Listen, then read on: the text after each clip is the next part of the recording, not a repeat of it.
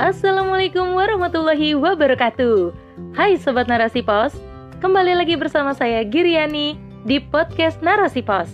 Kali ini di rubrik Teenager. Narasipos.com.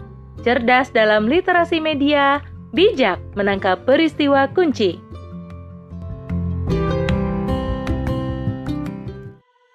Istiqomah wujudkan resolusi tahun baru, why not? Oleh Renita. Hello guys, lagi pada ngapain nih? Nggak kerasa ya, sekarang kita sudah berada di penghujung bulan di tahun 2021 ini. Hmm, biasanya nih, kalau udah akhir tahun gini, orang-orang tuh ramai membahas tentang resolusi tahun baru. Ngomongin soal resolusi, gimana nih? Kalian udah punya resolusi belum? Kalau belum, coba deh mulai buat resolusi supaya kita punya target yang jelas dalam menjalani hari-hari kita di tahun yang baru. Resolusi untuk kebaikan. Guys, seperti yang kita tahu nih, resolusi itu adalah janji yang dibuat pada diri sendiri untuk memulai sesuatu yang baik dan menghentikan kebiasaan buruk mulai dari hari pertama di tahun baru. Kedengarannya bagus banget ya. Dengan adanya resolusi ini, tentu bisa memacu kita untuk membuat target menjadi lebih baik, iya kan? Nah, pastinya banyak banget ya guys, orang yang pengen hidupnya jauh lebih baik dari sebelumnya. Nggak mau kan ya hidupnya gini-gini aja, nggak ada perubahan alias jalan di tempat. Hmm, apalagi kalau sampai menjadi pribadi yang lebih buruk. Nauzubillah min zalik. Guys, biasanya nih, target orang-orang di tahun baru tuh di antaranya ingin menjadi pribadi yang lebih baik dalam hal ibadah, dalam penampilan, lebih rajin mengkaji Islam, ingin menambah hafalan Al-Quran, kemudian lebih bermanfaat untuk lingkungan sekitar, dan lain-lain. Masya Allah, keren banget ya. Tentunya target kebaikan itu harus jadi impian kita dong. Setuju nggak? Nah, gimana nih dengan kalian? Apa resolusi yang udah kalian targetkan untuk tahun 2022?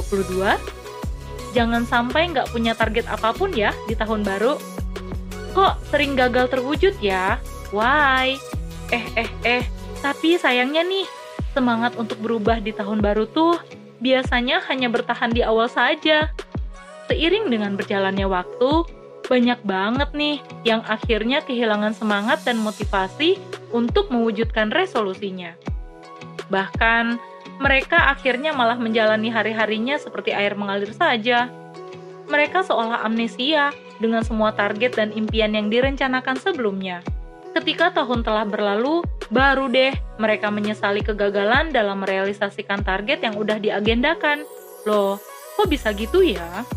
Jika dicermati, ternyata pemicu kegagalan seseorang dalam mewujudkan resolusi adalah minimnya keistiqomahan dalam diri mereka, guys. Istiqomah itu artinya berpegang teguh dalam melaksanakan kebaikan dan ketaatan Kenapa ya generasi saat ini kok susah banget buat istiqomah? Ternyata biang keladinya adalah sistem kapitalisme yang masih diemban oleh negeri ini guys.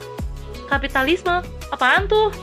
Kapitalisme itu pandangan hidup yang memosisikan keuntungan materi di atas segalanya. Asasnya adalah sekulerisme yang meminggirkan peran agama dari kehidupan. Paham inilah yang mencetuskan banyak rayuan yang menggoyang keistiqomahan seseorang. Dalam sistem saat ini, banyak pihak yang sengaja memanfaatkan situasi demi kepentingan pribadinya.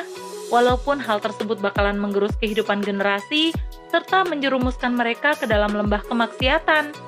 Namun tetap saja, semua itu dilegalkan hanya karena bisa mendulang cuan guys.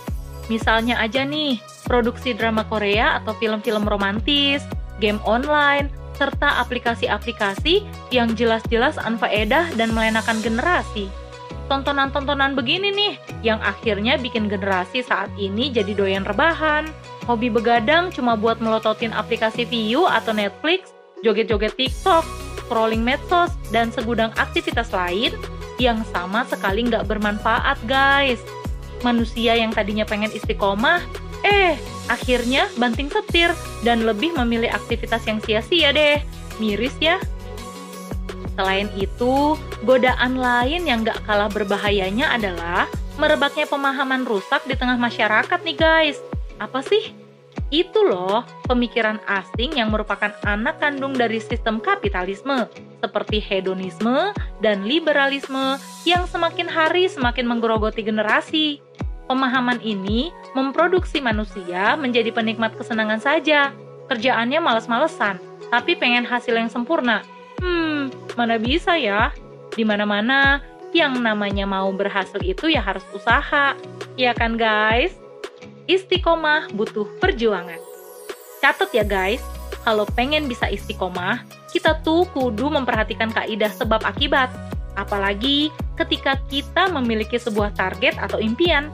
Nggak ada tuh yang namanya mantra sim salabim alias jalan instan. Jadi, jika kita ingin meraih sesuatu, butuh banget perjuangan dan keistiqomahan untuk mewujudkannya.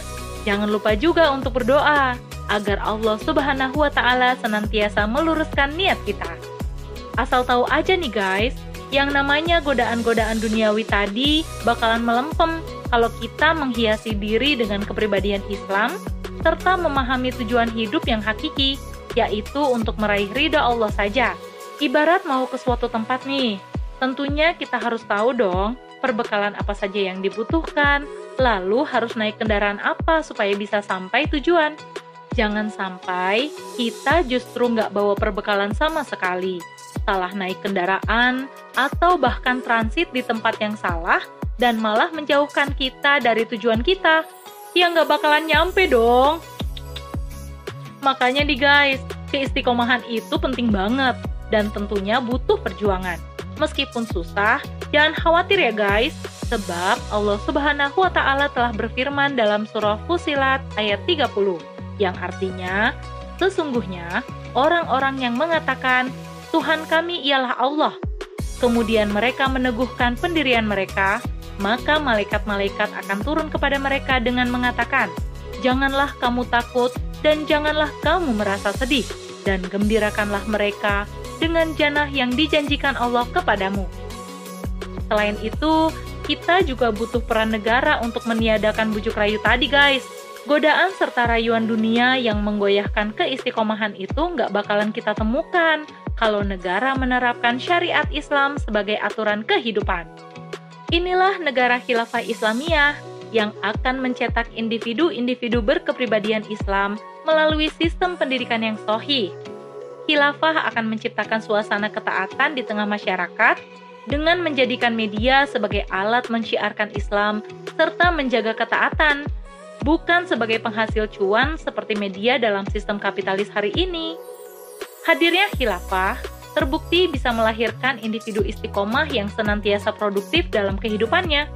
Salah satu contohnya adalah Muhammad Al-Fatih, seorang sultan muda di masa kekhilafahan Utsmani yang sudah menghafalkan Al-Quran sejak kecil, mempelajari ilmu fikih, hadis, matematika, ilmu falak, hingga strategi perang. Beliau terus-menerus memaksimalkan potensinya hingga dewasa dan berhasil merealisasikan bisyarah Rasulullah Shallallahu Alaihi Wasallam, yaitu menaklukkan kota Konstantinopel. Sungguh perpaduan antara kecerdasan dan keimanan yang luar biasa ya guys. So, supaya bisa istiqomah, kita tuh butuh yang namanya mengkaji Islam untuk menghalau segala rayuan tadi. Kita juga harus mendakwahkan kepada orang lain agar mereka tercerahkan dengan Islam. Ketika umat sudah memahami Islam dan urgensi hadirnya syariat Islam dalam mengatur kehidupan mereka, maka umat sendiri yang akan merindukan hidup di bawah naungan Islam, tentunya dalam institusi khilafah Islamiyah. Wallahu a'lam bisawab.